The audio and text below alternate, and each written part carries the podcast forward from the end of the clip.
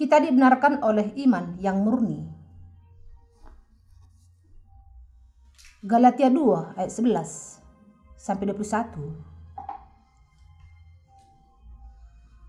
Tetapi waktu Kefas datang ke Antioquia, aku berter berterang-terang menentangnya. Sebab ia salah. Karena sebelum beberapa orang dari kalangan Yakobus datang, ia makan sehidangan dengan saudara-saudara yang tidak bersunat. Tetapi setelah mereka datang, ia mengundurkan diri dan menjauhi mereka karena takut akan saudara-saudara yang bersunat. Dan orang-orang Yahudi yang lain pun turut berlaku munafik dengan dia. Sehingga Barnabas sendiri turut terseret oleh kemunafikan mereka. Tetapi waktu kulihat bahwa kelakuan mereka itu tidak sesuai dengan kebenaran Injil, aku berkata kepada Kepas, Kepas di hadapan mereka semua, jika engkau seorang Yahudi, hidup secara kafir dan bukan secara Yahudi, bagaimanakah engkau dapat memaksa saudara-saudara yang tidak bersunat untuk hidup secara Yahudi? Menurut kelahiran kami adalah orang Yahudi dan bukan orang yang berdosa dari bangsa-bangsa lain. Kamu tahu bahwa tidak seorang pun yang dibenarkan oleh karena melakukan hukum Taurat tapi hanya oleh karena iman dalam Yesus Kristus. Sebab itu, kami pun telah percaya kepada Kristus Yesus, supaya kami dibenarkan oleh karena iman dalam Kristus, dan bukan oleh karena melakukan hukum Taurat. Sebab tidak ada seorang pun yang dibenarkan oleh karena melakukan hukum Taurat. Tetapi jika kami sendiri Sementara kami berusaha untuk dibenarkan dalam Kristus, ternyata adalah orang-orang berdosa. Apakah hal itu berarti bahwa Kristus adalah pelayan dosa? Sekali-kali tidak. Karena jika aku membangun kembali apa yang telah kurombak, aku menyatakan diriku sebagai pelanggar hukum Taurat. Sebab aku telah mati oleh hukum Taurat untuk hukum Taurat supaya aku hidup untuk Allah. Aku telah disalibkan dengan Kristus, namun aku hidup. Tapi bukan lagi aku sendiri yang hidup, melainkan Kristus yang hidup di dalam aku. Dan hidupku yang kuhidupi sekarang dalam daging adalah hidup oleh iman dalam anak Allah yang telah mengasihi aku dan menyerahkan dirinya untuk aku. Aku tidak menolak kasih karunia Allah. Sebab sekiranya ada kebenaran oleh hukum Taurat, maka sia-sialah kematian Kristus. Sebelum saya mulai pembahasan dari bagian ini, mari kita membaca bersama dari Galatia 5 ayat 2 sampai 3. Sesungguhnya Aku Paulus berkata kepadamu, jikalau kamu menyunatkan dirimu, Kristus sama sekali tidak akan berguna bagimu. Sekali lagi aku ber, aku katakan kepada setiap orang yang menyunatkan dirinya ia wajib melakukan seluruh hukum Taurat. Saya minta Anda membaca Galatia 5 ayat 2 sampai 3 sehingga kita bisa terlebih dahulu melihat latar belakang dan alasan sehingga Rasul Paulus menulis kepada jemaat Galatia. Dan kemudian saya bisa melanjutkan pembahasan dari pasal 2.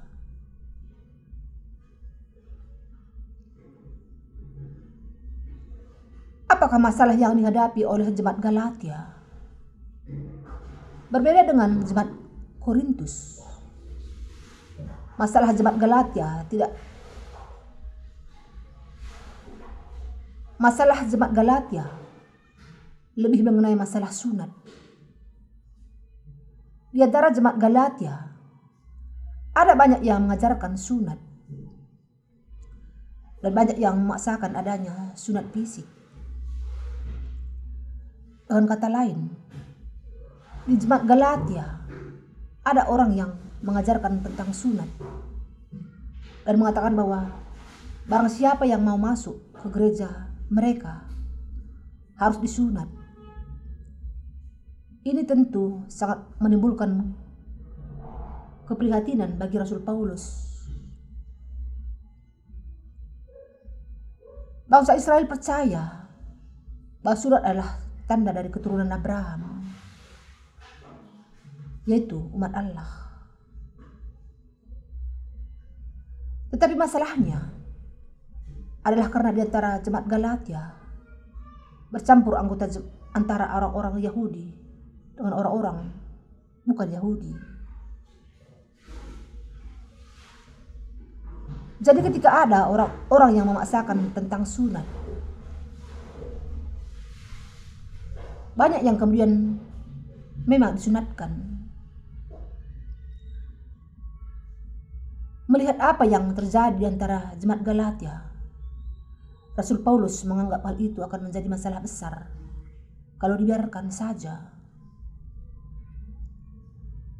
Inilah sebabnya ia menasihatkan kepada orang-orang percaya di Galatia dengan surat ini. Saat kita membaca, kita bisa melihat Paulus mengatakan, Jikalau kamu menyunatkan dirimu, Kristus sama sekali tidak akan berguna bagimu. Dengan bagian ini, Paulus sedang mengatakan, kalau engkau disunatkan, apa untungnya Kristus bagimu? Apakah engkau menjadi umat Allah dengan disunatkan? Kalau demikian, lalu apa yang dilakukan Yesus Kristus untukmu? Sebenarnya, sunat tidak membawa manfaat. Akan sebaliknya, Hal itu akan membuat seseorang terputus dari anugerah Allah. Paulus sedang mengatakan, mereka yang memaksakan sunat tubuh dan mereka yang berusaha mendapatkan sunat fisik memiliki tanggung jawab untuk memenuhi seluruh Taurat Allah. Ini berarti bahwa engkau harus mentaati seluruh Taurat tapi bisakah engkau sungguh-sungguh melakukannya? Jadi Rasul Paulus dengan kata lain menuliskan surat menentang mereka dan mengajarkan sunat di antara jemaat Galatia.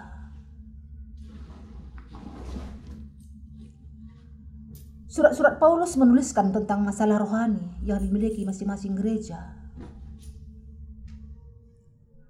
dan berkaitan dengan apa yang terjadi di antara jemaat Galatia.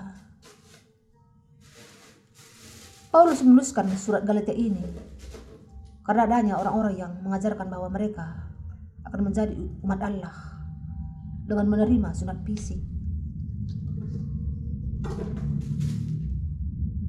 Ketika kita memperhatikan bagian Alkitab hari ini dengan memahami latar belakangnya, kita bisa menilai dengan lebih jelas apa yang dikatakan di dalamnya. Mari kita membaca Galatia 2 ayat 11 sampai 13 sekali lagi. Tetapi waktu Kefas datang ke Antioquia, aku berterang-terang menentangnya. Sebab ia salah.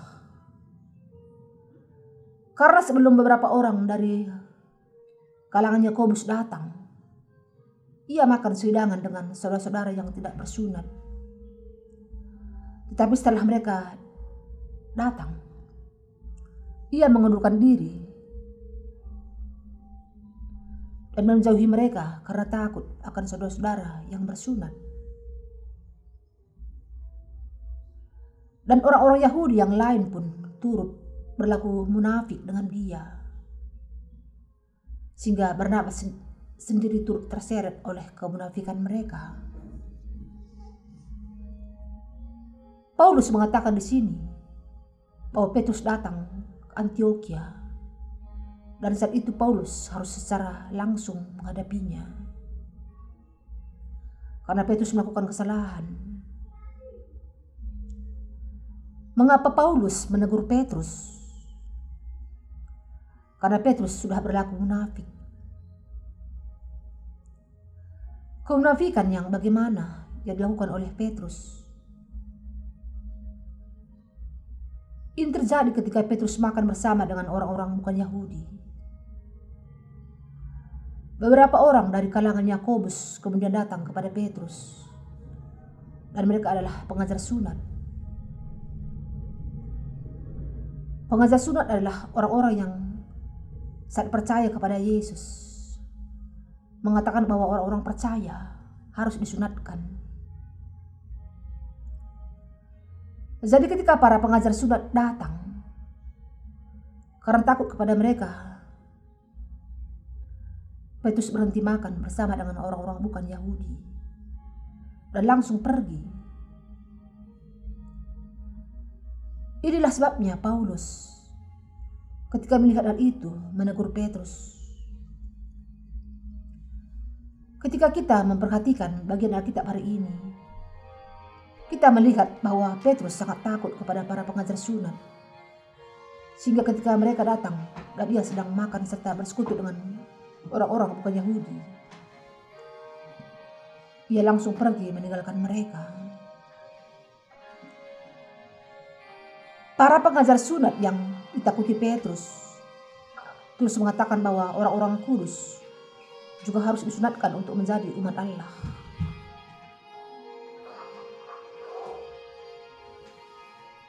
Dan dengan mengatakan bahwa orang-orang yang tidak disunat tidak berhak menjadi umat Allah. Mereka mendorong orang-orang kudus untuk menerima sunat fisik. Sebagaimana Abraham. Apakah dasar argumentasi mereka? Atas dasar pemikiran bahwa hanya orang-orang yang disunat sajalah yang bisa menjadi umat Allah. Adalah karena Petrus segan kepada para pengajar sunat itu sehingga ia pergi.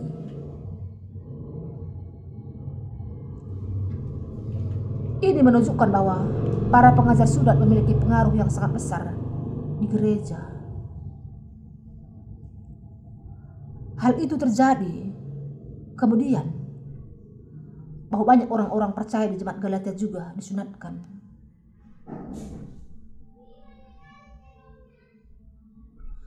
Rasul Paulus sangat terganggu dengan hal ini. Ia sangat kesal karena para pengajar sunat begitu berpengaruh. Sehingga nampaknya tidak ada cara untuk menghentikan mereka. Bahkan Petrus juga pergi dari situ. Para pengajar sunat mengatakan bahwa sementara manusia harus percaya kepada Yesus, semua pria juga harus disunatkan tanpa kecuali. Dan mereka tidak menerima orang-orang yang belum disunatkan. Meski mereka adalah orang-orang kudus. Mereka hanya mengakui orang-orang yang sudah disunat saja. Mari kita membaca Galatia 2 ayat 14 sampai 16 di sini. Tetapi waktu kulihat kelakuan mereka itu tidak sesuai dengan kebenaran Injil. Aku berkata kepada Kepas di hadapan mereka semua, jika engkau seorang Yahudi hidup secara kafir dan bukan secara Yahudi, bagaimanakah engkau dapat memaksa saudara-saudara yang tidak bersunat untuk hidup secara Yahudi? Menurut kelahiran kami adalah orang Yahudi dan bukan orang berdosa dari bangsa-bangsa lain. Kami tahu bahwa tidak seorang pun yang dibenarkan oleh karena melakukan hukum Taurat. Tetapi hanya oleh karena iman dalam Kristus Yesus. Sebab itu, kami pun tidak percaya, telah percaya kepada Kristus Yesus supaya kami dibenarkan oleh karena iman dalam Kristus dan bukan oleh karena melakukan hukum Taurat. Sebab tidak ada seorang pun yang dibenarkan oleh karena melakukan hukum Taurat. Rasul Paulus di sini menegur Petrus akan kemunafikannya dengan mengatakan, jika engkau seorang Yahudi hidup secara kafir dan bukan secara Yahudi, bagaimana engkau dapat memaksa saudara-saudara yang tidak bersunat untuk hidup secara Yahudi? Dan Paulus mengatakan bahwa seseorang tidak bisa dibenarkan karena melakukan Taurat. Dalam mengatakan hal ini, Paulus berusaha untuk memperbaiki kesalahan para pengajar sunat dengan imannya kepada Yesus Kristus. Karena para pengajar sunat menjadi sangat berpengaruh. Paulus ingin menentang mereka dan memperbaiki kesalahan mereka. Dan di sini ia melihat ada kesempatan yang muncul. Rasul Paulus mulai menegur. Paulus terlebih dahulu Tapi ia menambahkan kepada pembahasannya untuk mengkritik kesalahan dan keduluan para pengajar sunat. Ia terlebih dahulu menyatakan, tidak ada seorang pun yang dibenarkan oleh karena melakukan hukum Taurat. Di sini, Paulus membuat melakukan hukum Taurat sebagai sasaran kritiknya. Karena ia mau menggarisbawahi penjelasan bahwa tidak ada orang yang menjadi orang benar dengan disunatkan. Taurat sendiri isinya sangat luas dan mendalam. Di dalam jemaat Galatia ada orang-orang Yahudi dan di antara orang-orang Yahudi ada para pengajar sunat yang mengatakan bahwa orang-orang kudus bisa menjadi umat Allah hanya kalau mereka menerima surat fisik. Inilah sebabnya Paulus mengatakan di sini, bukan dengan melakukan hukum Taurat bahwa manusia bisa tidak memiliki dosa dan menjadikan umat Allah. Tetapi hanya dengan percaya kepada Yesus Kristus mereka dibenarkan.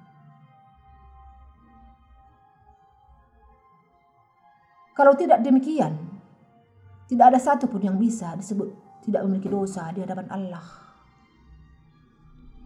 Dengan kata lain, Paulus menegur para pengajar sunat, menjelaskan bahwa dengan percaya kepada Injil air dan roh sajalah kita dibenarkan. Di zaman gereja mula-mula, selalu ada para pengajar sunat, bahkan di antara gereja Allah. Mereka terus mengatakan bahwa orang-orang percaya bisa menjadi umat Allah hanya kalau mereka disunatkan. Di sini yang perlu kita perhatikan adalah apakah implikasi dari peristiwa ini Kemudian dalam zaman dan masa ini, di mana kita bisa menerapkan kasus sunat ini, kita bisa menerapkannya dalam iman dari orang-orang yang percaya bahwa dosa-dosanya dihapuskan ketika mereka menaikkan doa pertobatan.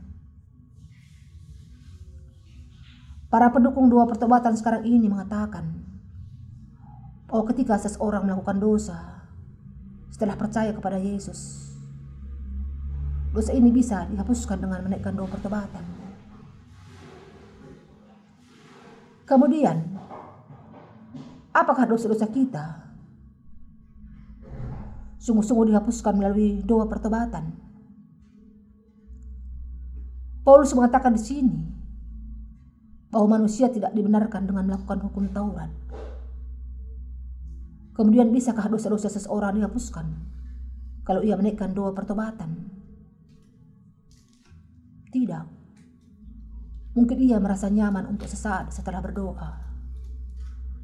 Tapi dosa-dosa ini tidak bisa dihapuskan dengan bersih sampai selamanya. Hanya dengan doa pertobatan demikian. Inilah sebabnya Paulus mengatakan, tidak ada seorang pun yang dibenarkan oleh karena melakukan hukum Taurat. Kita harus memahami bahwa hal itu hanya bisa kita terima dengan percaya kepada Yesus Kristus melalui firman Injil dan Roh. Jadi Paulus mengatakan, sebab itu kami pun telah percaya kepada Kristus Yesus supaya kami dibenarkan oleh karena iman dalam Kristus dan bukan oleh karena melakukan hukum Taurat.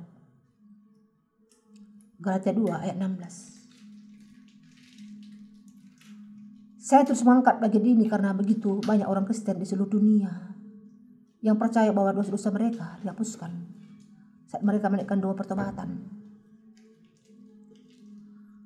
Hal yang demikian tidak sesuai dengan firman Allah. Dan meski demikian, doa pertobatan menjadi sangat lazim di seluruh gereja yang ada di dunia ini. Tidak lain dari hal inilah iman yang sama dengan iman para pengajar sunat yang legalistik. Dan mereka yang senantiasa giat menaikkan doa pertobatan. Orang-orang ini munafik. Dan untuk berusaha memasukkan segala dosa menaikkan doa pertobatan adalah jelas sebuah kesalahan di hadapan Allah.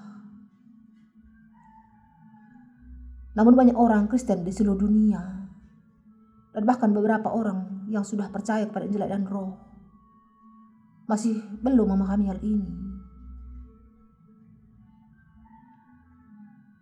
Mengatakan bahwa manusia bisa dibenarkan melalui dua pertobatan atau melalui pengudusan bertahap adalah sama salahnya dengan para pengajar sunat dalam bagian Alkitab hari ini yang berpegang kepada sunat fisik untuk menjadi umat Allah. Karena itu, sangat tidak masuk akal untuk mengatakan bahwa seseorang harus terlebih dahulu percaya kepada darah Yesus di kayu salib dan kemudian dosa-dosa yang dilakukannya akan dihapuskan hanya ketika ia menaikkan doa pertobatan. Alkitab dengan jelas mengatakan, tidak seorang pun yang dibenarkan oleh karena melakukan hukum, hukum Taurat, tetapi hanya oleh karena iman dalam Kristus Yesus.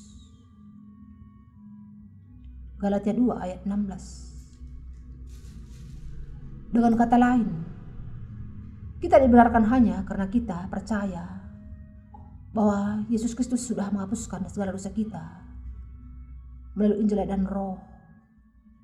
Dan bukan karena menaikkan dua pertobatan atau disunatkan secara daging yang membuat kita tidak memiliki dosa. Bukan demikian. Inilah apa yang dijelaskan Rasul Paulus di sini.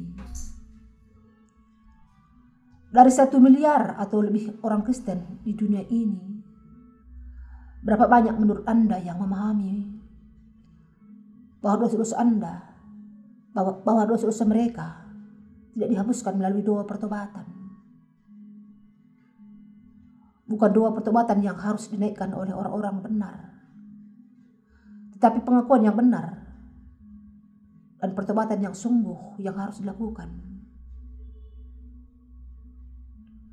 Doa pertobatan hari ini dipahami sebagai sebuah ritual yang melaluinya kita bisa percaya dan mengikuti Tuhan. Sebagaimana orang-orang Katolik percaya bahwa mereka akan bisa dibasuhkan dari segala dosanya melalui sakramen pengakuan. Banyak orang Protestan salah percaya bahwa dosa-dosa mereka dibasuhkan melalui dua pertobatan. Karena pada dasarnya kebanyakan orang Kristen di dunia melakukan demikian. Mereka tidak tahu betapa salahnya hal itu. Beberapa di antara mereka mungkin memiliki sedikit pemahaman. tetapi tidak mampu menunjukkannya secara tepat atas dasar dan pemahaman yang alkitabiah. Bukan dengan menaikkan doa pertobatan yang membuat manusia tidak memiliki dosa. Tetapi dengan percaya kepada Injil dan roh. Sehingga dosa-dosanya dihapuskan dan menjadi putih seperti salju. Namun di antara orang Kristen zaman ini, siapa yang bisa mengatakan bahwa percaya kepada dua pertobatan adalah sebuah kesalahan? Sangat keliru untuk berusaha memasukkan dosa melalui dua pertobatan. Tapi siapa yang berani menunjukkannya? Karena doa pertobatan sudah sangat lazim dilakukan di Kristenan zaman ini sebagai proses pembasuhan dosa seseorang untuk menunjukkannya sebagai kesalahan akan memulai sebuah reformasi iman yang lebih besar dibandingkan dengan yang dilakukan Luther ketika ia mulai berbicara melawan kepausan dan memunculkan reformasi. Orang-orang percaya bahwa untuk menghapuskan segala dosa yang sudah kita lakukan setelah kita percaya kepada darah di kayu salib. Tidak ada jalan lain kecuali menaikkan dua pertobatan tetapi Paulus mengatakan di sini betapa kelirunya hal itu. Setiap orang Kristen di dunia ini harus memahami apa yang dikatakan Paulus kepada jemaat Galatia. Jikalau kamu menyunatkan dirimu, Kristus sama sekali tidak akan berguna bagimu. Galatia 5 ayat 2 Orang-orang Kristen di seluruh dunia berusaha menerima pengampunan dosa mereka melalui dua pertobatan. Betapa salahnya bukan? Biar bagaimanapun Anda percaya kepada Injil dan Roh, kalau Anda mengaku percaya kepada sebagai juru selamat kita, maka Anda harus memahami bahwa pengajaran yang mengatakan bahwa Anda harus bisa basuhkan dari segala dosa Anda Melalui dua pertobatan tidak ada hubungannya dengan Kristus. Bahkan Anda sudah terpisah dari Kristus. Di antara orang-orang Yahudi, mereka yang pria menerima perkenanan Allah kalau mereka disunatkan. Saat seorang pria Yahudi menerima sunat fisik, mereka langsung diterima sebagai umat Allah. Bagaimana dengan orang-orang Yahudi yang tidak disunatkan? Untuk orang-orang Yahudi, sunat adalah tanda sebagai umat Allah. Memang, Allah sudah berjanji di perjanjian lama. Aku akan menjadi Allah bagimu dan keturunanmu. Tapi engkau akan engkau dan keturunanmu harus disunatkan. Jadi dikatakan dalam perjanjian lama bahwa surat adalah tanda sebagai umat Allah. Di zaman perjanjian baru, kemudian apa yang dikatakan Paulus dalam Roma 2? Ia mengatakan Sunat adalah sunat dalam hati. Roma 2 ayat 29. Ia mengatakan bahwa bukan daging seseorang yang harus disunatkan, tetapi hatinya. Dengan percaya bahwa Yesus Kristus sudah melapkan segala dosa kita melalui baptisan dan curahan darahnya, kita harus disunat secara rohani dalam hati kita dengan iman kita kepada Injil dan Roh. Dengan kata lain, kita harus menerima keselamatan kita dengan percaya dalam hati kita bahwa Yesus menanggung segala dosa kita dengan dibaptiskan oleh Yohanes Pembaptis. Mati di kayu salib. Dan dengan itu sudah menyelamatkan kita dari segala dosa dunia. adalah karena Yesus Kristus datang ke dunia ini dan menyelamatkan kita dari segala dosa dunia melalui Injil air dan roh. Sehingga kita diselamatkan dengan percaya kepada kebenaran ini. Bukan melalui doa pertobatan yang membuat segala dosa kita dibasuhkan. Karena ia sudah menyelamatkan kita dengan sempurna melalui karya kebenarannya. Kita bisa diselamatkan melalui iman kita kepada Injil yang sempurna ini. menjadi anak Allah tanpa dosa dan menyatu dengan Kristus serta dibenarkan. Tidak ada cara lain untuk menjadi umatnya selain jalan ini. Tidak ada orang-orang kudus yang bisa menghapuskan dosanya melalui doa pertobatan. Dan mereka tidak akan bisa menjadi umat Allah dengan menerima sunat fisik. Percaya kepada sesuatu yang lain sangatlah tidak masuk akal. Sunat rohani Anda datang dengan iman Anda kepada Injil dan roh. Bukan melalui pekerjaan diri Anda sendiri.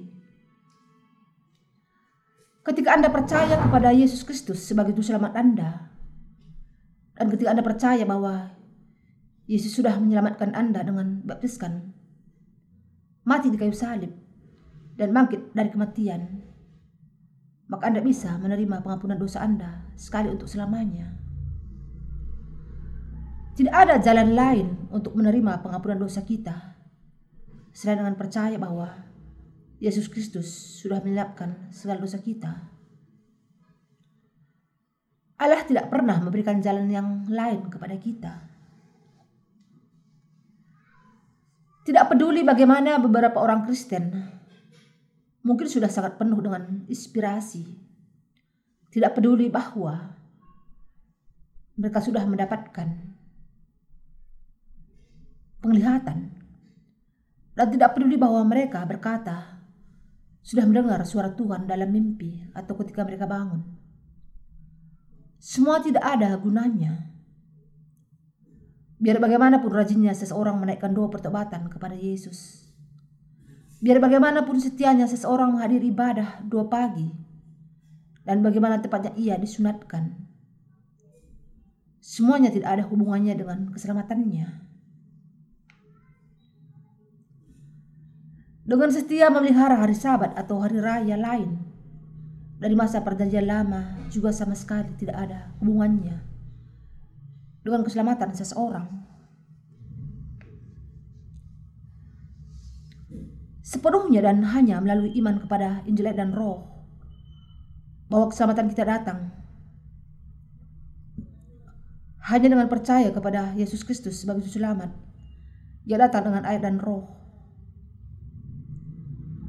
Kita bisa sungguh-sungguh diselamatkan. Keselamatan kita yang sebenarnya hanya bisa diterima melalui iman kita kepada Injil dan roh yang tidak mengandung usaha kita sedikit pun. Bahkan tidak 0,1 persen sekalipun. Dugaan bahwa kita dibasuhkan dari segala dosa kita karena kita menaikkan doa pertobatan atau bahwa kita menjadi umat Allah karena kita disunatkan. Pandangan yang demikian yang memasukkan pekerjaan kita sendiri bahkan 0,1 persen sekalipun akan merusakkan keselamatan dari Tuhan. Kalau pekerjaan kita diperlukan bahkan meski hanya 0,1 persen saja untuk mendapatkan keselamatan, ini hanya berarti bahwa Yesus Kristus sudah gagal untuk menyelamatkan kita dengan sempurna dari segala dosa kita. Namun Yesus memang sudah menyelamatkan kita dari segala dosa kita dengan sempurna. Karena itu, kalau-kalau kita percaya kepadanya dan apa yang dilakukannya bagi kita, kita bisa diselamatkan dari segala dosa kita. Tidak ada lagi yang perlu kita lakukan. Tidak ada lagi yang lain dan tidak ada cara lain kecuali percaya kepada Injil dan Roh di dalam hati kita. Namun meski demikian, kalau seseorang masih berusaha untuk menerima sunat fisik atau menaikkan doa pertobatan, maka ia sedang mencoba untuk memutuskan diri dari anugerah Allah. Orang itu adalah orang yang ditentukan untuk keluar dari anugerah Allah, dari keselamatan yang diberikan Allah kepada kita. Dengan demikian, semua orang di seluruh dunia perlu memahami kebenaran jelek dan roh. Dan semua orang harus berhenti berusaha untuk mendapatkan keselamatan melalui usahanya sendiri. Di antara Anda yang sekarang ada di gereja dan semua orang Kristen di seluruh dunia, mereka yang mungkin sudah percaya bahwa dosa-dosa mereka dihapuskan melalui doa pertobatan, haruslah memahami bahwa mereka sudah melakukan dosa besar di hadapan Allah. Mereka harus menanggalkan iman kedagingan mereka dan kemudian percaya kepada Injil dan Roh. Dan mereka harus menyadari betapa salahnya keyakinan yang demikian itu. Menaikkan dua pertobatan mungkin nampak seperti kebaikan yang sangat tinggi dan saleh. Tetapi tidak ada yang lebih jahat dari hal itu. Bukan dua pertobatan yang harus kita naikkan, tapi kita memang harus bertobat. Bagi kita bertobat artinya kita sungguh-sungguh berbalik dari tindakan kejahatan kita. Kita harus terlebih dahulu bertobat di hadapan Allah. Dan kalau kita ingin sungguh-sungguh mengakui dosa kita, kita seharusnya menaikkan doa pengakuan. Kita harus mengaku di hadapan Allah dan berdoa kepadanya demikian. Saya sudah melakukan dosa ini. Namun engkau sudah menyelamatkan saya dari dosa ini juga. Saya yakin bahwa engkau sudah menghapuskan ini juga. Melalui Injil dan roh. Tolonglah saya untuk menang menghadapi cobaan atas kelemahan ini lagi. Ini doa pengakuan yang benar ketika kita menyadari dosa-dosa kita. Kita tidak akan bisa dimasukkan dari segala dosa kita dengan menaikkan doa pertobatan. Kalau Anda sudah melangkah menuju ke sana dan Anda menyadari bahwa hal itu salah, lalu Anda harus berbalik dan berusaha menemukan jalan yang benar. Demikian juga manusia harus berbalik dari jalan iman yang salah dan menemukan jalan yang benar untuk percaya kepadanya. Doa pertobatan, di mana manusia hanya mengatakan demikian. Saya sudah melakukan dosa, ampunilah saya. Saya tidak akan melakukan dosa lagi. Saya percaya adalah salah. Namun di antara kekristenan zaman ini, ada orang-orang yang masih mengatakan bahwa mereka bisa membasuh segala dosa mereka melalui doa pertobatan. Dan orang-orang itu menjadikan dirinya sebagai musuh besar Allah. Sangat keliru untuk percaya bahwa seseorang bisa membasuhkan segala dosanya melalui doa pertobatan. Hanya karena seseorang setelah melakukan dosa mengatakan, Tuhan, ampuni saya ampuni kesalahan saya. Tidak berarti bahwa dosa-dosanya dihapuskan.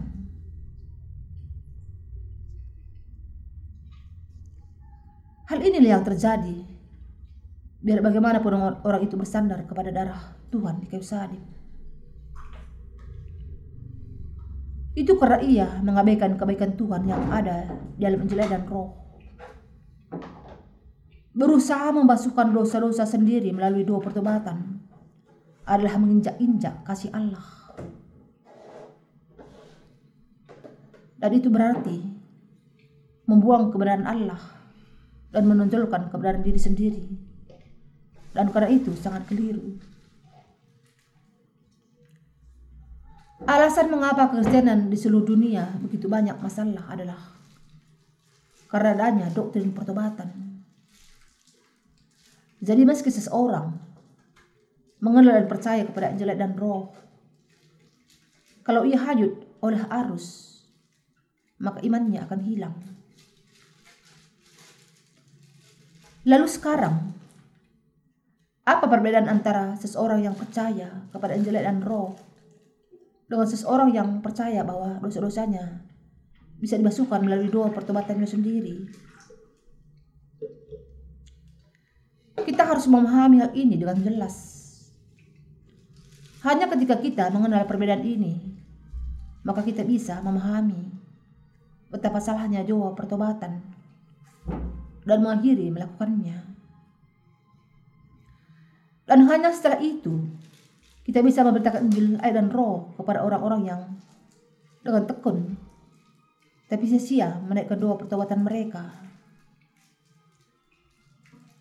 Kalau kita ingin mengatakan kepada mereka bahwa mereka salah dalam berharap kepada doa pertobatan, kita sendiri harus memiliki pemahaman yang jelas akan keadaan yang kita hadapi. Tanpa pemahaman yang jelas itu, kita tidak akan bisa menjelaskan agar mereka menerima pengampunan dosa dengan percaya kepada Injil yang benar.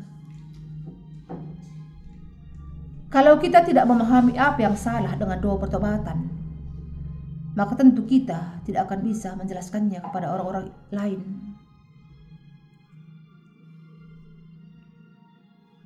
Sun Tzu, seorang strategis Cina kuno,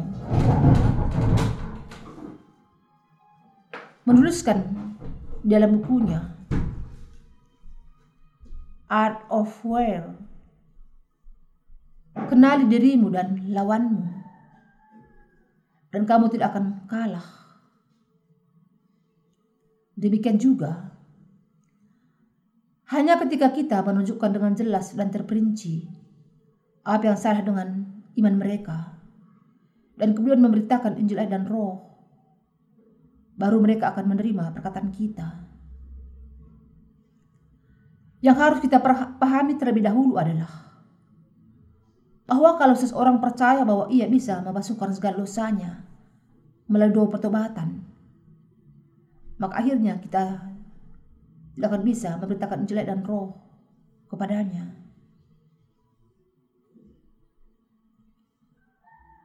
Inilah sebabnya kita terlebih dahulu harus memiliki pemahaman yang jelas akan kesalahan dari doktrin doa pertobatan. Jadi pokok ini sangatlah penting untuk ditekankan. Tidak melebih-lebihkan untuk berkata bahwa barang siapa mengatakan kalau dosa-dosanya dibasuhkan dengan menaikkan dua pertobatan, tidak percaya kepada jelek dan roh yang diberikan Yesus Kristus, Karena itu, untuk siapa saja yang memiliki iman jenis ini, kita harus dengan jelas memberitakan Injil dan Roh. Orang-orang yang menempatkan imannya dalam doa pertobatan untuk keselamatan mereka sangatlah keliru. Dan karena itu mereka harus membuang keyakinan yang tidak berdasar itu terlebih dahulu. Kemudian mereka harus percaya kepada Injil dan Roh karena hanya dengan percaya kepada Injil yang benar ini saja, mereka bisa diselamatkan. Untuk memberitakan kebenaran kepada orang-orang lain, Anda harus terlebih dahulu menegaskan di dalam hati Anda bahwa Anda sudah diselamatkan dari segala dosa Anda dengan percaya kepada Yesus Kristus yang datang ke dunia ini dengan air dan roh. Kalau Anda sendiri tidak jelas akan hal ini, maka Anda tidak akan bisa memberitakan Injil kepada orang-orang Kristen yang percaya bahwa mereka diampuni dari segala dosa mereka melalui doa pertobatan mereka sendiri.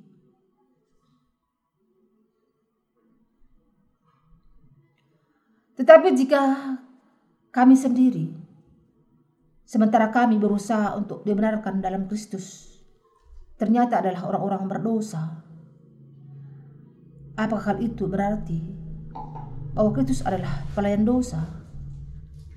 Sekali-kali tidak. Karena jikalau aku membangun kembali apa yang telah kurombak, aku menyatakan diriku sebagai pelanggar hukum Taurat. Galatia 2 ayat 17 sampai 18. Kalau sementara kita berusaha dibenarkan oleh Kristus, kita sendiri ternyata adalah orang-orang berdosa. Apakah itu berarti Kristus adalah pelayan dosa? Paulus mengatakan bahwa pastilah tidak demikian. Yang dikatakan oleh Paulus di sini adalah bahwa orang-orang yang percaya kepada Injil dan Roh tidak akan pernah bisa memiliki dosa lagi. Kalau mereka percaya kepada Yesus dan dengan benar memahami bahwa menerima sunat fisik tidak ada gunanya. Dengan kata lain, kalau seseorang meninggalkan iman pekerjaannya sendiri dan kemudian percaya kepada Yesus Kristus saja sebagai juru selamat yang datang dengan air dan roh, maka ia adalah orang benar dan tidak akan pernah lagi menjadi orang berdosa. Rasul Paulus melanjutkan dengan mengatakan, Kalau aku membangun kembali apa yang telah kurombak, aku menyatakan diriku sebagai pelanggar hukum Taurat. Yang dimasukkannya adalah Taurat, khususnya surat fisik, yang disebutnya sebagai apa yang telah kurombak.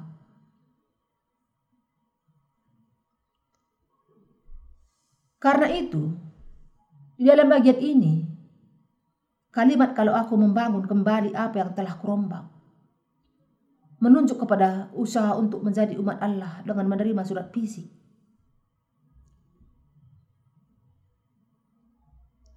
Karena ini adalah usaha menerima pengampunan dosa dengan mentaati dan melakukan Taurat. Paulus mengatakan bahwa hal itu akan menjadi seseorang sebagai seorang pelanggar yang melawan Allah. Paulus membuat penegasan yang sama dalam Galatia 3 dan dalam Roma 4. Kapankah Abraham menjadi orang benar Sejak Abraham percaya kepada firman Allah, imannya diperhitungkan kepadanya sebagai kebenaran. Jauh sebelum ia disunatkan, ini menjelaskan bahwa Abraham sudah diperkenan oleh Allah akan imannya kepada firman Allah sejak saat itu dan sudah menjadi orang benar.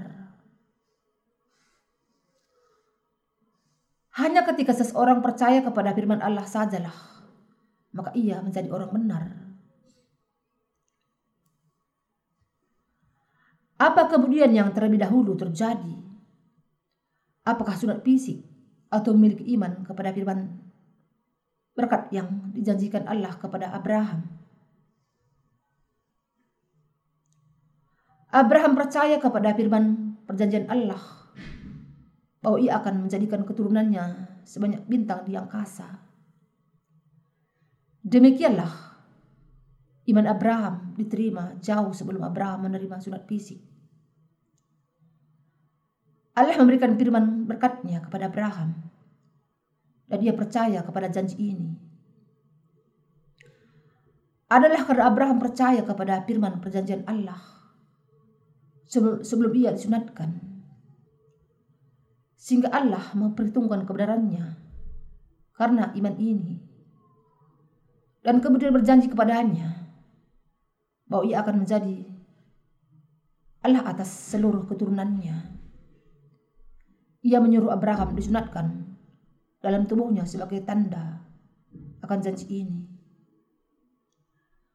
Allah mengatakan bahwa sunat fisik adalah tanda akan adanya sunat rohani yang diterima Abraham melalui imannya kepada firman Allah.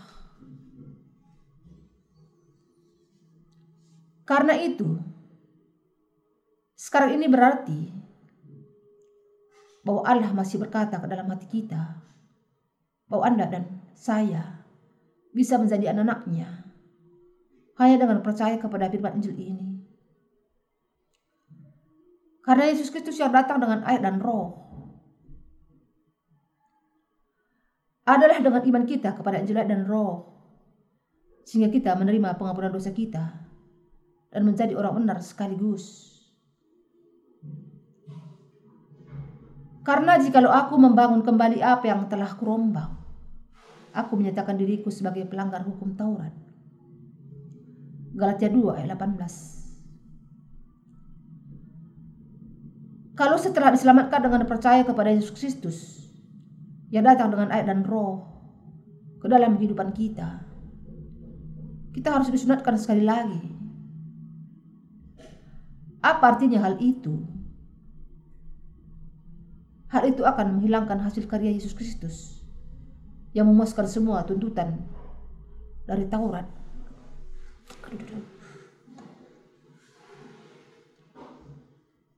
Kita tidak akan pernah bisa menjadi tidak memiliki dosa. Hanya dengan menerima sunat fisik. Sebagaimana iman Abraham juga diterima. Ketika ia percaya kepada firman Allah. Bukan dengan sunat fisik atau doa pertobatan. Yang membuat dosa-dosa kita dihapuskan.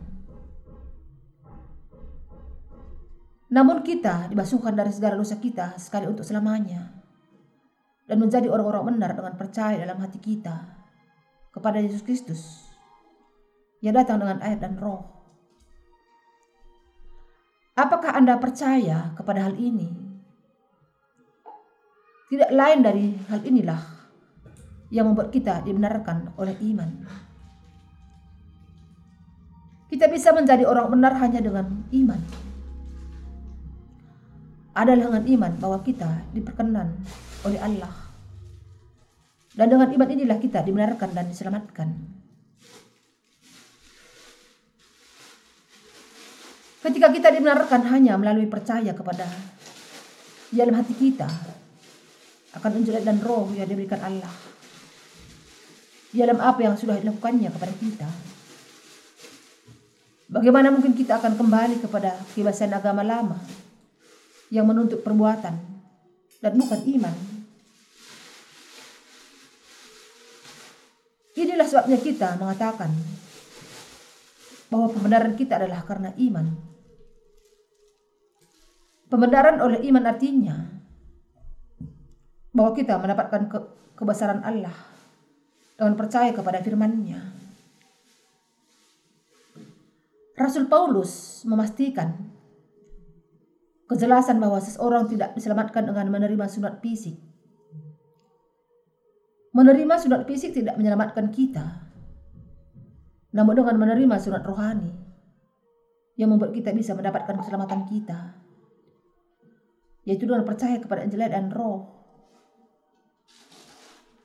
Sunat rohani berarti menerima pengampunan dosa ke dalam hati kita dengan percaya kepada jelek dan roh. Dengan sunat rohani ini, kita bisa mengerat segala dosa yang ada dalam hati kita. Sebagaimana Abraham mengerat kulit katan dengan pisau. Inilah yang dibicarakan oleh Paulus Mari kita melihat Galatia 2 ayat 19. Sebab aku telah mati oleh hukum Taurat untuk hukum Taurat. Supaya aku hidup untuk Allah. Rasul Paulus mengatakan bahwa ia sudah mati untuk Taurat. Ia tidak mengatakan bahwa ia berusaha untuk menaati hukum Taurat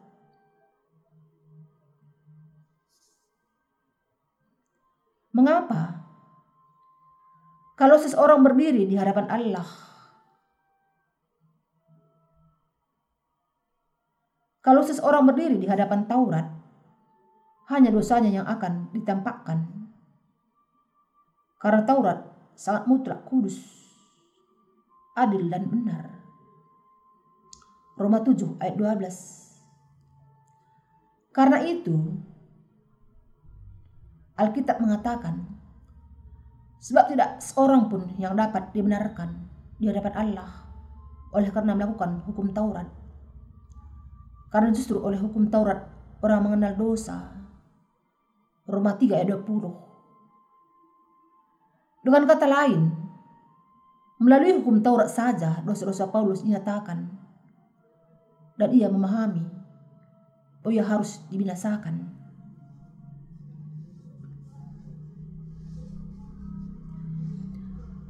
Inilah sebabnya Rasul Paulus berkat Rasul Paulus bukannya mempertahankan Taurat justru mengatakan bahwa melalui Taurat ia sudah mati untuk hukum Taurat. Ia mengatakan bahwa ia sudah mati supaya ia bisa hidup bagi Allah. Ini berarti bahwa Rasul Paulus mengakui keagungan firman Allah. Firman kebenaran. Taurat tidak bisa ditaati sepenuhnya. Biar bagaimanapun seseorang berusaha keras ini karena aturan Taurat begitu mutlak dan menuntut. Kalau seseorang mau diperhitungkan sebagai orang benar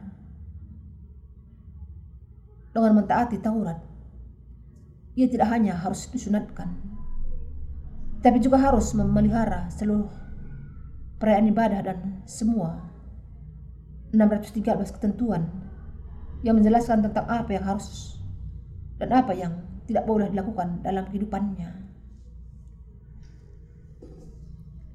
Karena itu, Paulus tidak bisa menghindar dari pengakuan bahwa ia memang tidak bisa mentaati Taurat. Dan mengakui bahwa karena hukum Taurat, Allah itu sempurna dan adil. Sementara ia penuh dosa, kecemar dan tidak bisa menghindar dari kebinasaan. Inilah sebabnya ia kemudian mengakui bahwa jauh dari mentati Taurat. Ia justru mati untuk Taurat. Ketika ia menyadari hakikat yang sebenarnya dari Taurat, ia tidak berusaha untuk melakukan Taurat lagi. Namun ia mengakui bahwa ia harus mati karena aturan yang sempurna dari Taurat Allah. Dan ia bertindak demikian. Artinya, ia akan hidup bagi Allah di dalam iman. Dengan kata lain, Paulus memahami bahwa ia tidak akan pernah bisa diselamatkan dari segala dosanya kecuali oleh Allah. Dan ia tidak bisa tidak percaya kepada Injil dan Roh agar Allah menyelamatkan dia. Ia mengatakan bahwa mati untuk Taurat supaya ia bisa bertemu dengan juru selamatnya dan menerima keselamatan yang diberikan olehnya. Dan melalui Yesus Kristus, ia kemudian menerima kehidupan yang baru melalui Injil dan Roh. Keyakinan Paulus yang demikian adalah keyakinan yang membuat dia bisa mendapatkan pembenaran, iman yang benar. Saudara seiman, kalau Anda tidak memahami surat Galatia dengan benar, Anda tidak akan bisa mendekat kepada kebenaran. Mungkin Anda berpikir, jadi ada para pengajar surat di zaman dahulu. Saya yakin bahwa mereka mengganggu Paulus dengan pengajaran tentang sunat. Bahkan Petrus juga berlaku munafik. Dan ia harus ditegur oleh Paulus orang yang lebih muda usia imannya. Saya yakin hanya itu saja. Tidak ada yang penting. Namun Anda harus memahami bahwa bagian ini tertulis dalam Alkitab untuk mengajarkan sesuatu kepada kita hari ini. Dan Anda harus memahami surat ini dengan jelas.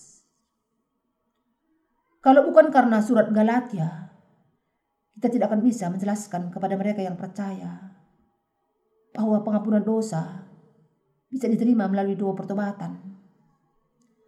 Betapa salahnya iman mereka. Juga suatu kesalahan kalau kita berkeras dengan mengatakan, pokoknya engkau salah. Ini adalah perspektif. Semuanya atau tidak sama sekali yang mengatakan saya benar dan karena itu engkau salah. Tidak perlu ada penjelasan di sini. Pokoknya memang demikian. Tetapi ini sama sekali tidak masuk akal. Sama tidak masuk akalnya dengan apa yang dikatakan Hitler ketika ia mengatakan bahwa ras bangsa Jerman lebih unggul dari semua ras yang lain. Hal yang benar adalah dengan menjelaskan dengan keterangan mengapa, bagaimana, dan apa yang salah dengan para pengajar sunat. Di dalam bagian Alkitab hari ini, Paulus menunjukkan dengan jelas betapa salah dan munafiknya orang-orang yang memaksakan sunat. Melalui bagian surat Galatia ini, orang-orang Kristen zaman ini bisa memahami betapa salahnya bersandar kepada dua pertobatan dan mencabut diri dari keyakinan mereka yang salah. Mari kita membaca Galatia 2 ayat 20. Aku telah disalibkan dengan Kristus, namun aku hidup. Tetapi bukan lagi aku sendiri yang hidup, melainkan Kristus yang hidup di dalam aku. Dan hidupku yang kuhidupi sekarang dalam daging adalah hidup oleh iman dalam Allah yang telah mengasihi aku.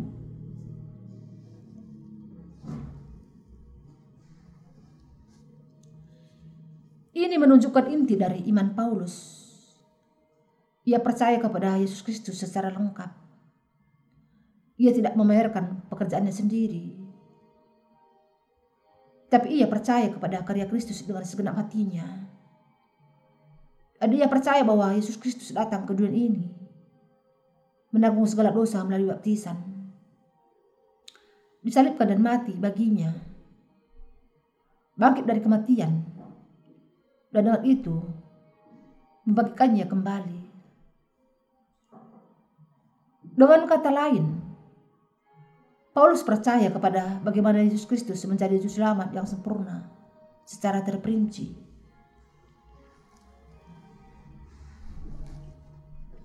Demikianlah ia kemudian mengatakan, Aku sudah disalibkan dengan Kristus.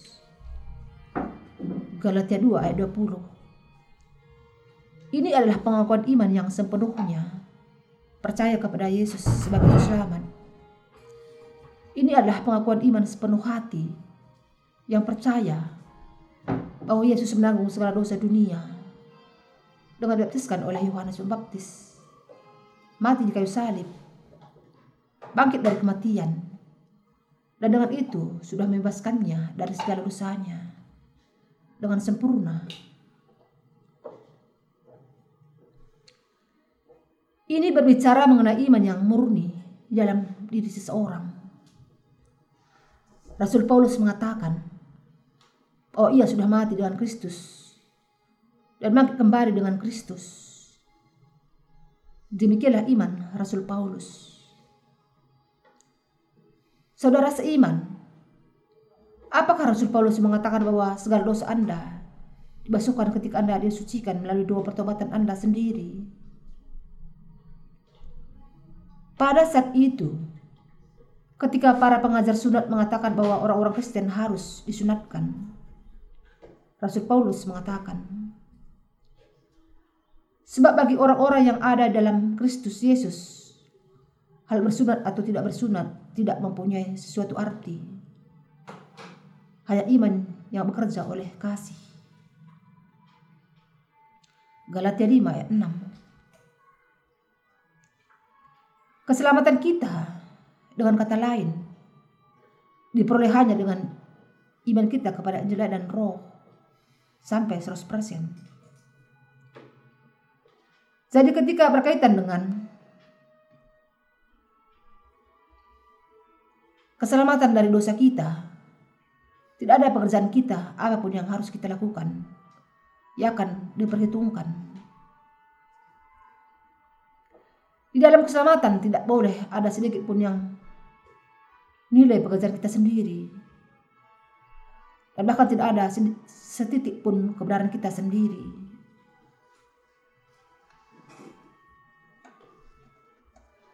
Bayangkan di sini bahwa salah satu saudara kita yang rambutnya rontok dan sementara ia membuat sup.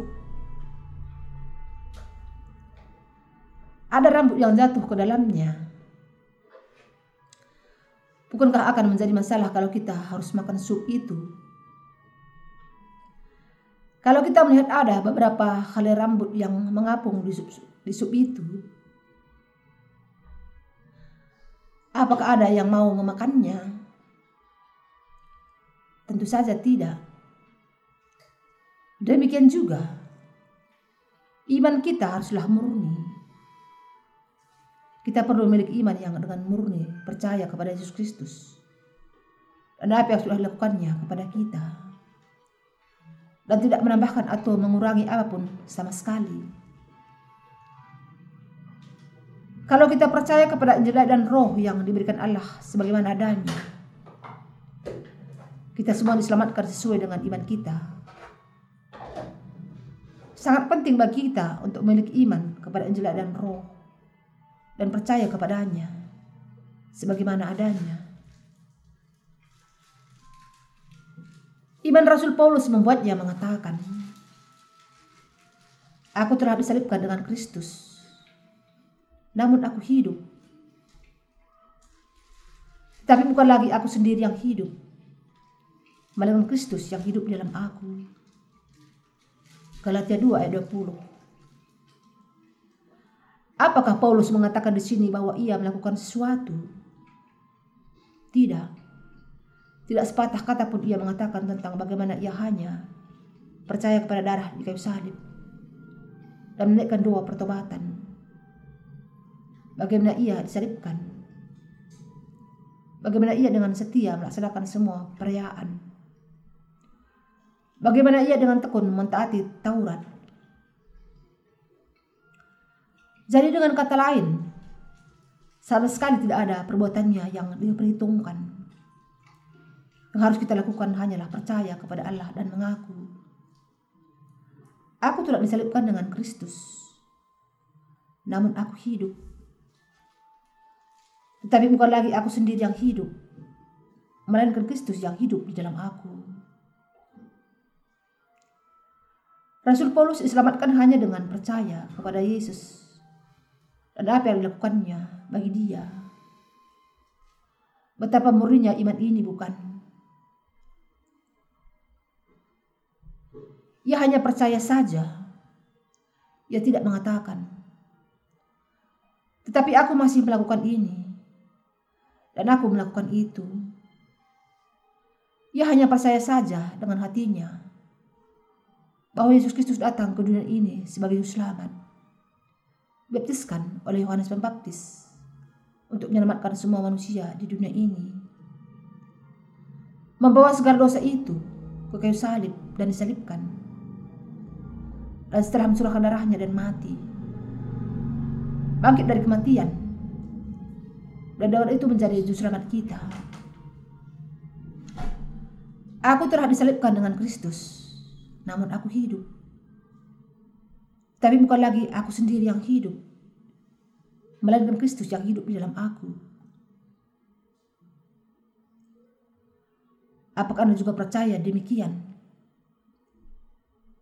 Di dalam iman Rasul Paulus, tidak, ada hasil pekerjaan sama sekali tidak ada hasil pekerjaannya sama sekali. Dan ia diselamatkan dengan sempurna hanya oleh iman. Ia diselamatkan dengan percaya kepada Injil dan Roh sebagaimana adanya. Tidak ada cara lain untuk diselamatkan selain dengan percaya. Paulus melanjutkan pengakuannya dengan mengatakan, dan hidupku yang kuhidupi sekarang di dalam daging adalah hidup oleh iman dalam Allah yang telah mengasihi aku. Galatia 2 ayat 20. Paulus diselamatkan hanya dengan percaya kepada Yesus. Dan keselamatannya tidak ada hubungannya dengan pekerjaannya. Ia tidak menunjukkan kebaikannya di hadapan Allah Dan dia tidak mengedepankan kesetiaan doanya. Tapi ia hanya membawa imannya saja di hadapan Allah. Ini sama dengan iman yang dimiliki Habel ketika ia mempersembahkan kurbannya berupa anak sulung dari semua ternaknya beserta lemaknya. Ia percaya kepada Yesus Kristus yang sulung dari antara semuanya dengan hatinya yang murni. Allah berkenan untuk menerima korban persembahan karena hati yang murni. Sementara ia tidak menerima kain dan kurbannya. Mengapa Allah tidak mau menerima kurban kain? Itu karena ia mempersembahkan hasil kebun. Pekerjaan daging kepada Tuhan Allah. Kejadian 4 ayat 1 sampai 5. Rasul Paulus juga percaya kepada Yesus Kristus sebagai juru selamat yang sempurna dan ia percaya bahwa sementara ia tidak memiliki pilihan kecuali mati dan binasa di hadapan Kristus. Ia begitu mengasihinya sehingga ia menyelamatkan Paulus dengan dibaptiskan, mati di kayu salib, dan bangkit dari kematian. Seperti seorang anak, Paulus kemudian menerima kebenaran ini sebagaimana adanya dan mempercayainya dan demikianlah ia diselamatkan.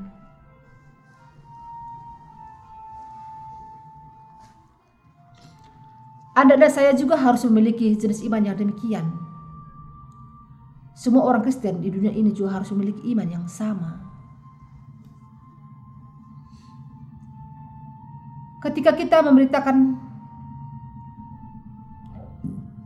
ketika kita memberikan makanan kepada bayi.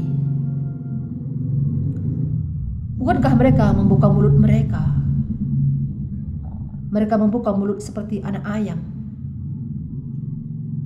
Bahkan ketika kita menarik permen dari mulut kita dan mengatakan, "Ah," maka mereka langsung membuka mulut mereka. Anda bahkan tidak harus menunjukkan apa pun kepada mereka.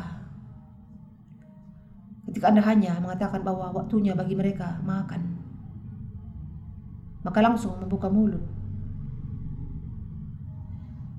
Itu karena kata itu sudah berarti bahwa kita mau memberi mereka makanan. Mengatakan, ah, mungkin kedengaran seperti latihan vokal saja. Tapi bagi bayi-bayi, itu suara ketika seseorang mau memberikan makanan kepada mereka. Kita perlu memiliki iman yang seperti anak-anak. Ketika Allah mengatakan, Aku sudah menyelamatkan engkau. Aku sudah mengutus anakku ke dunia ini. Dan dengan membuat dia diabdiskan. Mati di kayu salib. Dan bangkit dari kematian Aku sudah membuat dia menanggung segala hukuman atas dosa-dosa dan memasukkan semua dengan sempurna. Dan anakku menderita kematian menggantikan engkau. Dan untuk membangkitkan engkau, anakku bangkit. Jadi anakku sudah menyelamatkan engkau. Percayalah kepada kebenaran ini kita hanya perlu mengatakan ya dan mempercayainya. Sebagaimana Paulus mengatakan, aku sudah disalibkan dengan Kristus. Bukan lagi aku yang hidup. Tetapi Kristus yang hidup di dalam aku. Kita, diselamatkan dengan murni, dengan percaya kepada Injil dan roh.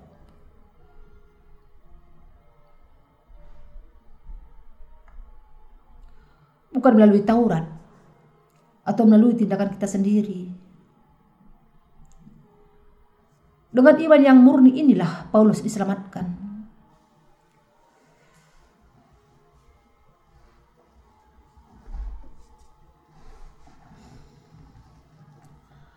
Banyak orang mungkin memiliki banyak penafsiran yang berbeda mengenai bagian Alkitab hari ini.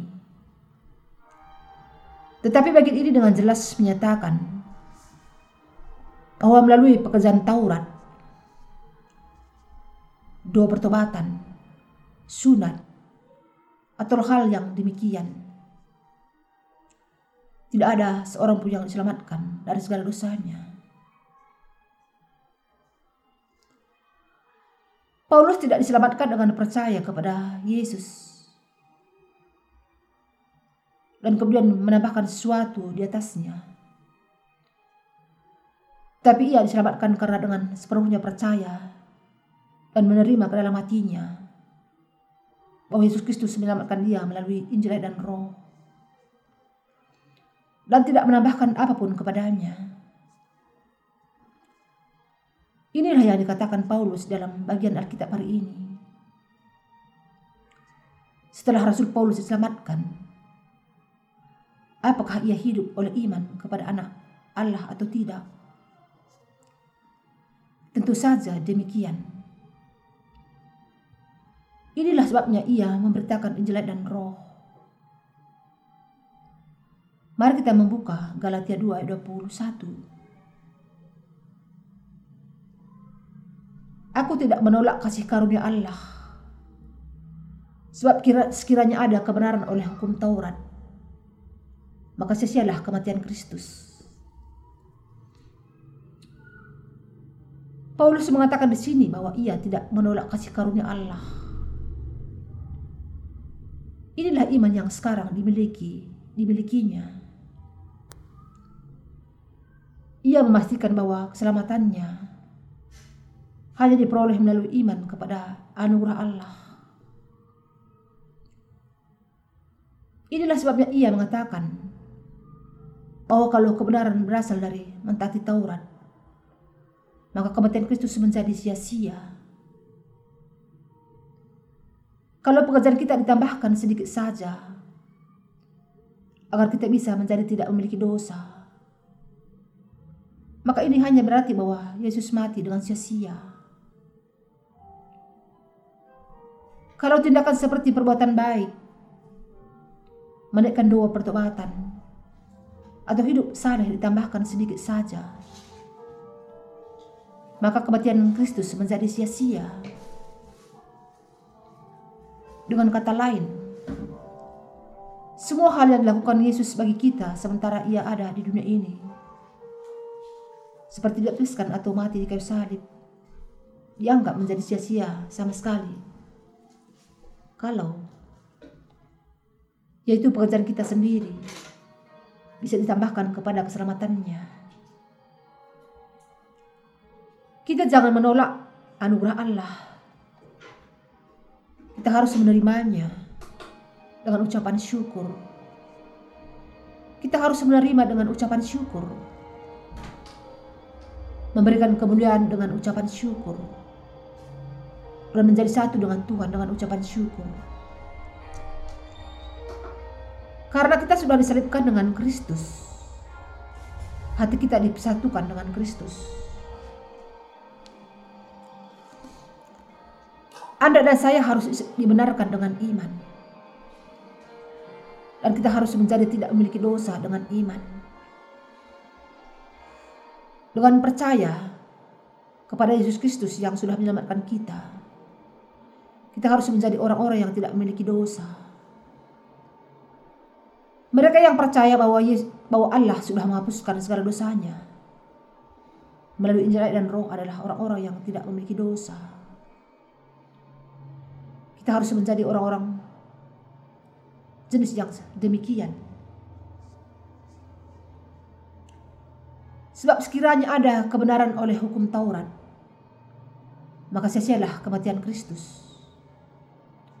Galatia 2 ayat 21. Kalau kita bisa membasuhkan dosa-dosa kita melalui doa pertobatan, Kemudian kedatangan Yesus Kristus ke dunia menjadi sia-sia. Ia dibaptiskan dengan sia-sia. Dan ia mati di kayu salib dengan sia-sia. Bukankah demikian?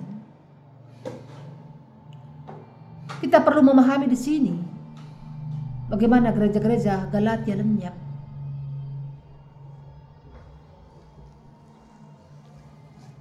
Setelah Rasul Paulus meninggal, gereja-gereja di Galatia lenyap tanpa jejak. Ini menunjukkan bagaimana bahayanya meninggikan pekerjaan pekerjaan kita sendiri dan menambahkan pekerjaan kita kepada Taurat bagi keselamatan kita. Kita mutlak harus memahami dengan jelas betapa jahatnya kalau kita mengedepankan pekerjaan kita sendiri.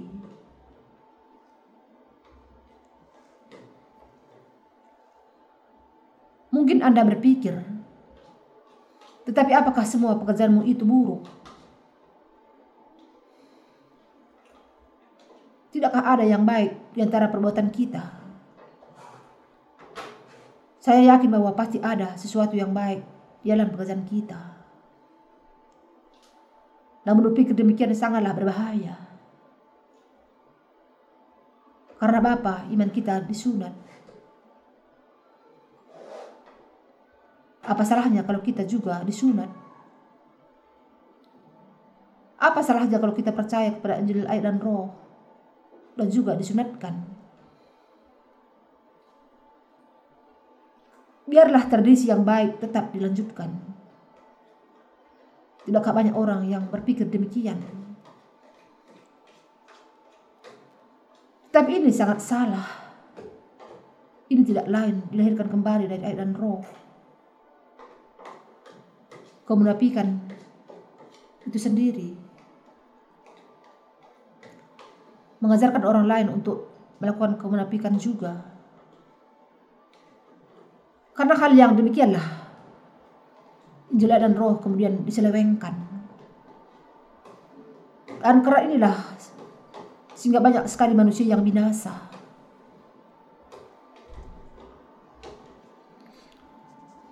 Yang kita anggap baik sebelum kita dilahirkan kembali. Yang kita anggap sebagai perbuatan kesalehan dan hati yang bersih. Padahal semuanya adalah kejahatan. Inilah sebabnya Paulus mengatakan tentang apa yang tadinya menjadi keuntungan baginya. Dianggapnya menjadi kerugian dan bahkan sam sampah bagi Kristus.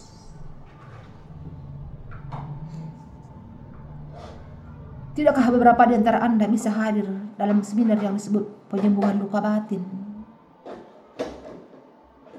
Ini seminar yang sangat jahat. Ini seminar yang menolak anugerah Yesus Kristus dan melawannya. Ini sebuah jalan keluar sepintas yang membuat kita berpikir, saya sakit. Tetapi ketika saya berpikir tentang Yesus Kristus, tidakkah ia lebih menderita dibandingkan dengan saya untuk saya?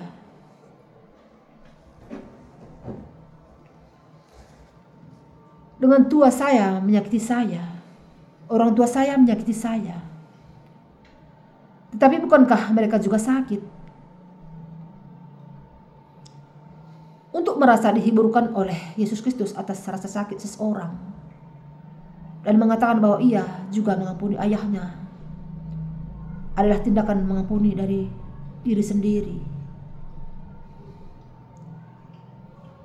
Subjek dari pengampunan ini adalah diri sendiri. Diri sendirilah yang menyembuhkan sakitnya sendiri dengan memakai Yesus Kristus. Dan dirinya lah yang mengampuni orang-orang lain.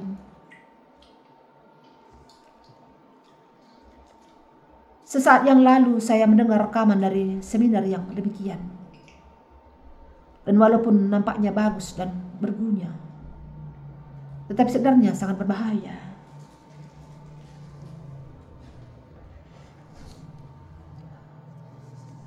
Kita orang-orang Kristen di seluruh dunia harus memahami bagaimana salahnya bersandar kepada pekerjaan kita sendiri. Saat manusia bisa diselamatkan hanya kalau ia dengan setia dan murni percaya kepada Injil dan Roh. Kalau pekerjaannya sendiri, baik atau buruk, tambahkan makan sedikit saja, maka ia tidak bisa diselamatkan. Inilah sebabnya Anda harus menyingkirkan semua itu. Kalau Anda menerima dalam hati Anda, seperti anak-anak, apa yang dilakukan Yesus Kristus kepada Anda, maka Anda akan diselamatkan dan menjadi anak Allah.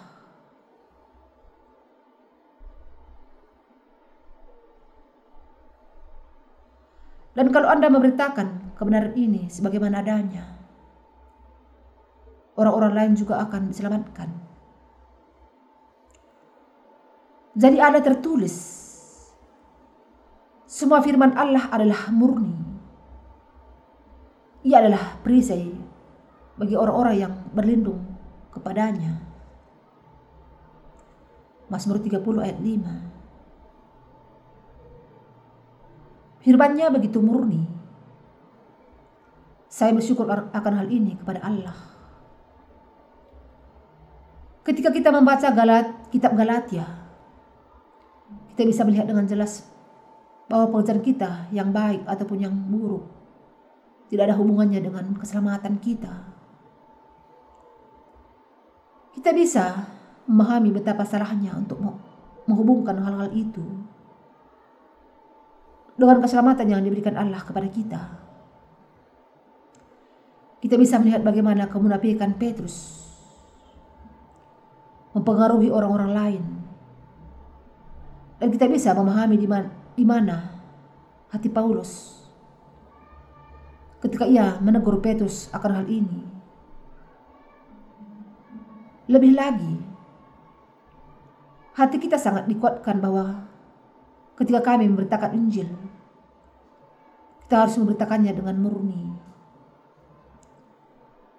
Kalau kita membawa sesuatu apa pun yang lain ke dalam berita yang disampaikan, maka mereka yang mendengar penjelasan kita menjadi semakin bertambah bingung membuat mereka semakin sulit untuk mereka diselamatkan. Saudara seiman, kita harus memberitakan firman Allah dengan murni sebagaimana adanya. Sekarang sebagaimana sebelumnya. 10 tahun yang lalu atau 20 tahun lalu. Kebenaran masih terletak dalam jelek dan roh Inilah sebabnya setiap hari kita berbicara mengenai jelek dan roh dan memberitakannya. Karena inilah kebenaran. Maka tidak akan pernah mungkin terlalu banyak pemberitaan yang dilakukan. Biar bagaimanapun seringnya itu dilakukan. Sepuluh tahun lagi apa, apakah saya harus memberitakan sesuatu yang lain? Hanya karena orang-orang bosan mendengar Injil yang sama. Saat saya memberitakan sesuatu yang lain, kita akan lenyap seperti jemaat Galatia. Kita harus percaya kepada firman Injil dan roh dengan murni. Anda harus percaya kepada kasih Allah dengan murni. Dan Anda harus percaya kepada keselamatan yang Allah berikan kepada Anda sebagaimana adanya. Kalau Anda melakukannya, maka Anda menjadi umat Allah. Tentu saja, kelemahan kita akan senantiasa ada. Tapi kita masih umat Allah oleh iman. Ketika Anda menjadi umat Allah oleh iman, Firman-Nya akan menghilangkan kecemaran di dalam hati Anda dan membangun Anda untuk bertumbuh dalam iman. Bagi mereka bahkan yang telah menerima pengampunan dosa, masih mengikuti Tuhan dengan pemikiran dan tindakan mereka sendiri, adalah sama dengan mereka yang mengajarkan sunat. Orang-orang yang demikian berpikir bahwa mereka melakukan yang terbaik. Tapi hal itu hanya akan membawa akibat yang sangat mengerikan. Mereka salah paham. Dengan demikian, kita harus percaya kepada Allah dengan murni. Menyatu dengan dia dengan murni. Dan memberitakan Injil kebenaran dengan murni. Dengan memahami dan percaya kepada hal ini, mari kita memberitakan Injil dan roh. Dan mari kita hidup oleh iman.